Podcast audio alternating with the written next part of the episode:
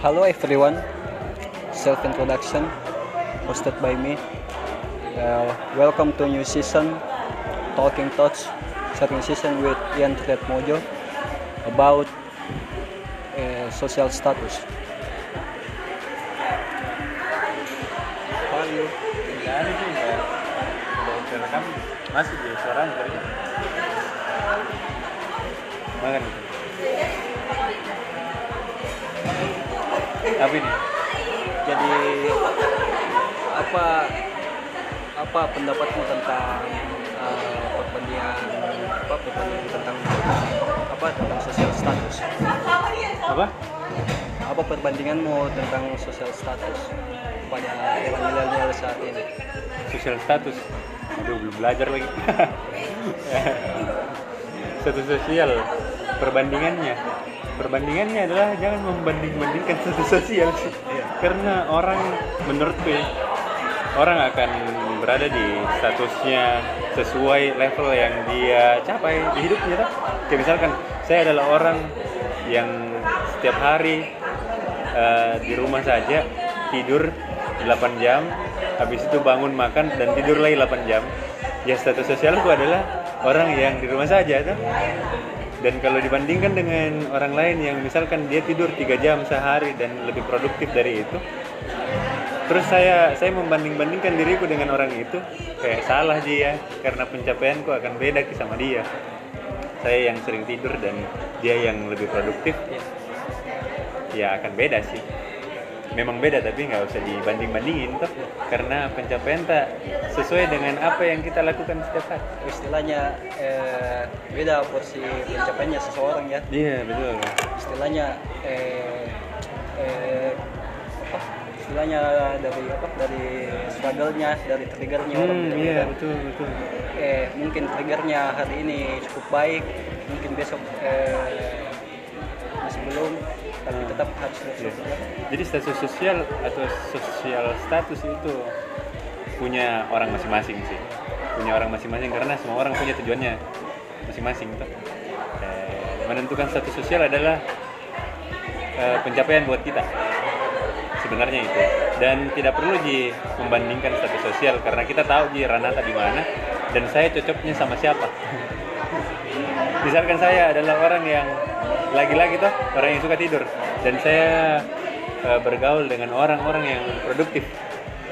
Produktif dan hedon. Misalkan tuh Iya. yang tiap hari uangnya keluar 5 juta satu hari dalam satu jam. Wah. Saya siapa? Kerja saja tidak gitu maksudku kerjaanku saja tidur saja. Dan mau kau bandingkan itu kayaknya. Tidak jadi semua orang punya pencapaiannya masing-masing istilahnya eh, tempatkan porsinya ya Hmm, hmm, dan Eh. tidak bukan di masalah besar itu. eh, yang mana nyaman Iya nyaman. dan yang kedua eh, apa kebanyakan orang eh, biasa eh, biasa kalau bicara dia selalu meninggikan apa meninggikan derajatnya di hadapannya teman-teman Mhm. sedangkan eh, itu tidak kekal Itu apa? apa itu tidak kekal akan kembali kepadanya Iya betul. Nah, eh, saya menanggapi nih, menanggapi untuk orang yang eh, selalu berbicara besar. Kalau saya sih orangnya, kalau menurutku pribadi, tidak apa-apa ji kalau dia berbicara besar asal sesuai kenyataan. yes. Sesuai kenyataan. Dan sesuai struggle-nya dia. Sesuai dengan eh, apa yang dia lakukan. Bukan berarti orang tidak bisa ber- beromong besar. Karena ada ada satu waktu kita harus melakukan itu. Misalkan eh, misalkan Luken ini orangnya tidak pernah eh, berbicara besar atau menyombongkan dirinya atau bercerita tentang apa pencapaiannya.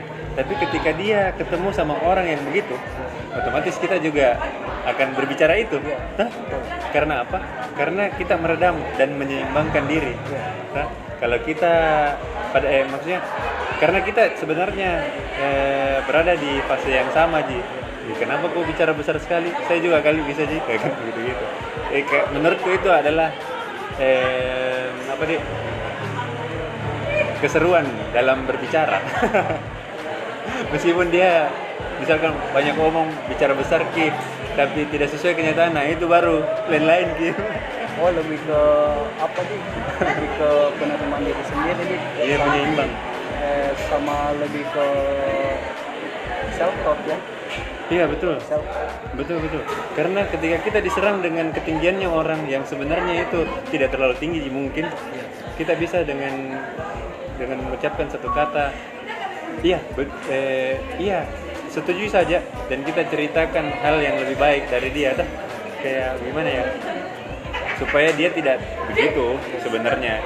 Menegur tapi dengan halus bukan berarti hal yang misalkan kita resah deh, atau risih dengan kata-katanya terus gombongan terus oh, saya tanah gua di mana-mana saya pakai jam tangan dari emas dari Arab. Gitu-gitu tuh misalkan begitu. Awal tas ke eh, Hermes? Iya Eh, dengan segala macam merek yang saya tidak tahu pun tuh misalkan. Eh bilang eh eh eh outfit gue eh begini gue pakai Mm-mm. apa pakai Alstar Iya. off white Ya, begitu gitulah. Nah, oh pale. Maksudku tidak ada aja anunya sama saya, tidak ada impactnya sama saya dengan kau bicara begitu. Mungkin ada impactnya sama orang lain kalau kau bicara begitu dengan strata yang sama.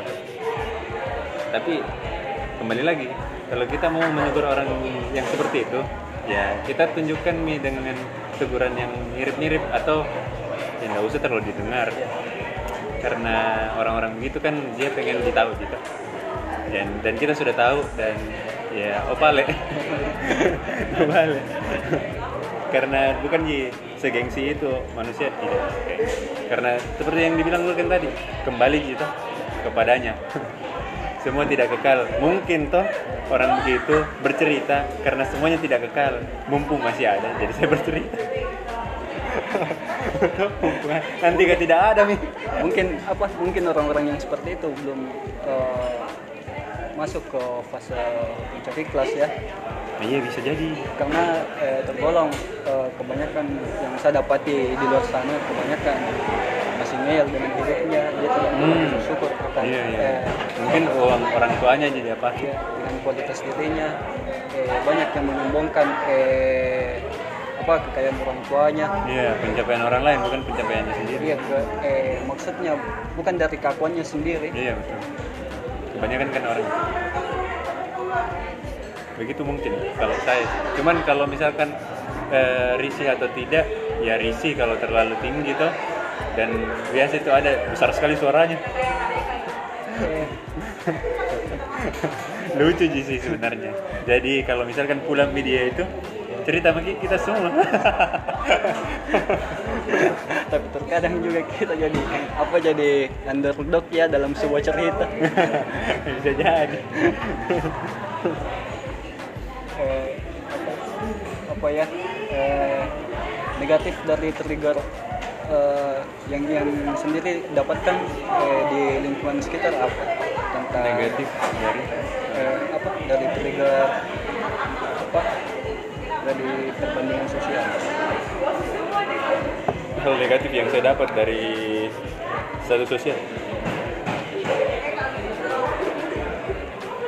Nggak, ah, nggak tahu ya. Kalau menurutku belum, belum ada bisa dapat negatifnya untuk menentukan status sosial. Karena selain jadi pembanding itu juga jadi apa di pemicu buat kita untuk tetap hidup lebih baik dan tidak mudah menyerah karena ketika kita mengetahui status sosial kita kita tahu di mana kita berada.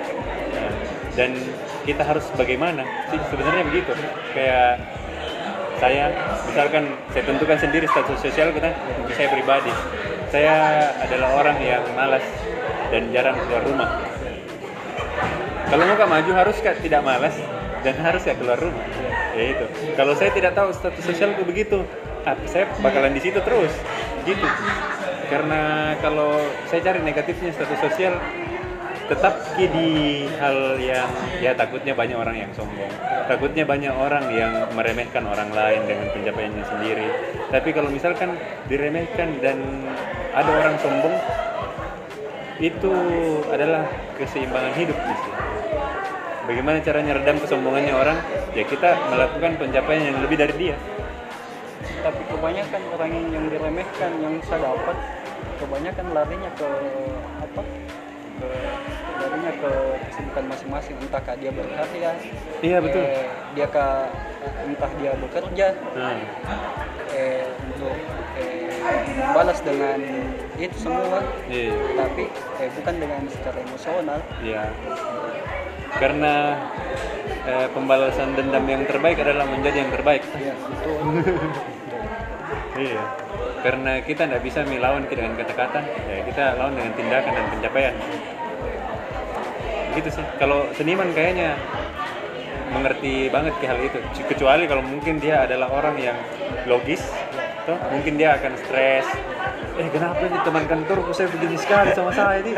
Saya pusing nih pergi nih pergi ke mana tidur di rumah tanpa terpuruk toh tapi kalau mungkin orang-orang yang otak kanan gitu yang kreatif tidak akan tidak akan sakit hati Ji, dengan hal-hal begitu. Ya. karena eh, dia apa menindaklanjutinya dengan secara dewasa bukan secara emosional iya betul. Dia akan menanggapi hal itu dengan eh saya bisa hidup lebih baik dari ini. Kalau saya menggambar mungkin saya akan tenang. Kalau saya berkarya saya mungkin akan tenang. Gitu ada dopaminnya sendiri kebanyakan orang eh, berusaha menciptakan apa men- menciptakan eh, kebahagiaannya sendiri tapi dia lupa eh, dengan apa educated yourself-nya. Educated yourself sama let them speak yourself-nya. Istilahnya eh, let them speak apa eh, let them speak yourself. Biarkan orang yang menilai diri saya eh, kayak contohnya yang dikatakan Alif John dalam karyanya eh, ya, biarkan apa eh, biarkan karyaku yang berbicara jangan di saya biarkan? Apa eh, biarkan di karyaku yang berbicara jangan di saya biarkan apa eh, biarkan orang yang menjelaskan jangan di saya Hmm. Iya, iya. Eh, pertanyaannya adalah educated yourself aha, banyak orang yang lupa itu iya banyak lupa tentang edukasi tentang diri sendiri sih. Iya sih. Ya gimana Dik? Kalau biarkan orang menilai itu sebenarnya itu cukup untuk seorang seniman kayaknya. nih. Orang yang suka berkarya mungkin bakal bilang dan bakal seperti itu. Tapi kalau misalkan kita cakupannya adalah orang-orang yang logis, toh, yang dia tidak tidak mau berkarya memang, Iya. dia mau bekerja. Iya, mau nah, bekerja. pasti pencapaiannya adalah kalau lebih banyak uangku, iya mau pasti. Iya, Tapi kita ini yang mungkin seniman, eh, orang-orang tuh, Iya. saya tidak termasuk sih dalam, tidak ada karya aku saya dan dan dapat hal yang begitu, biarkan karya saya yang berbicara.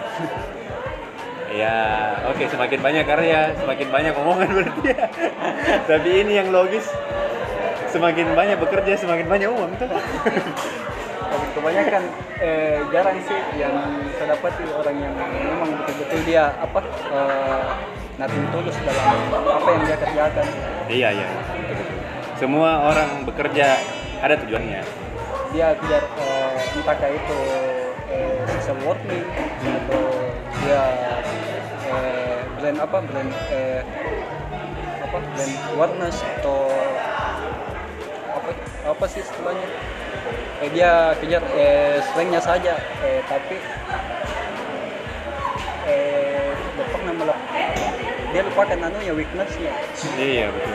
weakness-nya. Sampai-sampai dia opportunities opportunities eh, dia lupa tentang kelemahannya eh memang dia kejar Yuji memang itu strength-nya kekuatannya tapi di weakness-nya ancamannya Dia lupa. dia lupa Ya setidaknya dia tahu apa keunggulan dirinya. Setidaknya dia tahu apa keunggulan dirinya. Tapi bagus lah ya kalau dia tahu kelemahan dirinya. Kayak saya, saya tidak tahu keunggulan diriku tapi banyak kelemahanku tapi lebih bagus gitu kalau kita tahu kelemahan tanah. Iya. karena walaupun tidak ada tidak ada kelebihan.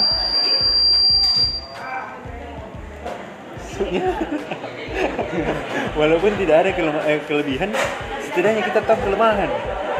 Eh, kita bisa berdiri di atas kelemahan kita sendiri tanpa harus menyerang dengan kelebihan tapi ya hidup aman. Hidup aman tidak banyak musuhnya.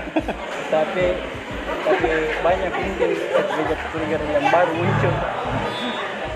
Iya, iya, iya. Kalau misalkan menjadi seorang opportunities itu eh, opportunity dalam hal apa dulu, peluang apa yang kita mau ambil toh?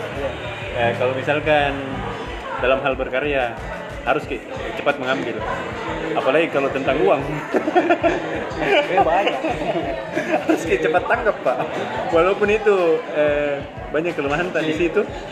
Tapi kalau tujuannya adalah untuk mendapatkan finansial yang lebih baik, kenapa tidak? ah, kebanyakan orang itu yang mengejar benefit Iya, tapi mengejar karena kita sekarang berada di dunia atau di umur atau di fase yang realita is more than anything karena kita tidak bisa melawan realita bro. Kalau kita melawan re- realita dengan pemikiran kita sendiri yang fantasi, fantasi dan fantastis, kalah sama mereka yang sudah kerja duluan. Maksudnya ke- kerja duluan di sini adalah dia sudah start nih dengan hal mimpinya yang realistis daripada kita yang masih mengawang-awang. Eh, satu pesan dari eh, podcast ini. Apa tanggapannya dari podcast ini? Terus berkarya. Ah, karena semua semua tidak akan terjadi ketika kita diam. Maksudnya apa pun karya entah karyanya adalah eh, tugas yang baik toh untuk orang-orang logis atau mungkin orang-orang kreatif berkarya lebih bagus lagi dan lebih bagus lagi eh, untuk pesannya untuk kaum marginal yang di luar sana yang belum eh, apa belum bisa menemukan basicnya. Banyak belajar. Banyak belajar ubah pola pikir dan lebih menerima perubahan. Kalau saya sih itu sih. karena kuncinya adalah perubahan. Kalau kita diri kita sendiri tidak mau berubah kita tidak akan bisa maju. Mungkin sih begitu. Kalau menurutku sih begitu karena kalau kita stuck di satu hal itu dan itu terus maksudnya dalam zona nyaman ya orang kan memang mencari zona nyaman. Tapi kalau kita stuck di satu momen senyaman itu tidak mencari nyaman yang lain kayaknya kita tidak akan maju. Hmm, eh, Oke, eh, sekian dari podcast kali ini mengenai eh, social status. Eh, see you again, eh, weekly podcast with Ian Triat Mojo, Talking Touch, hosted by me. See you again.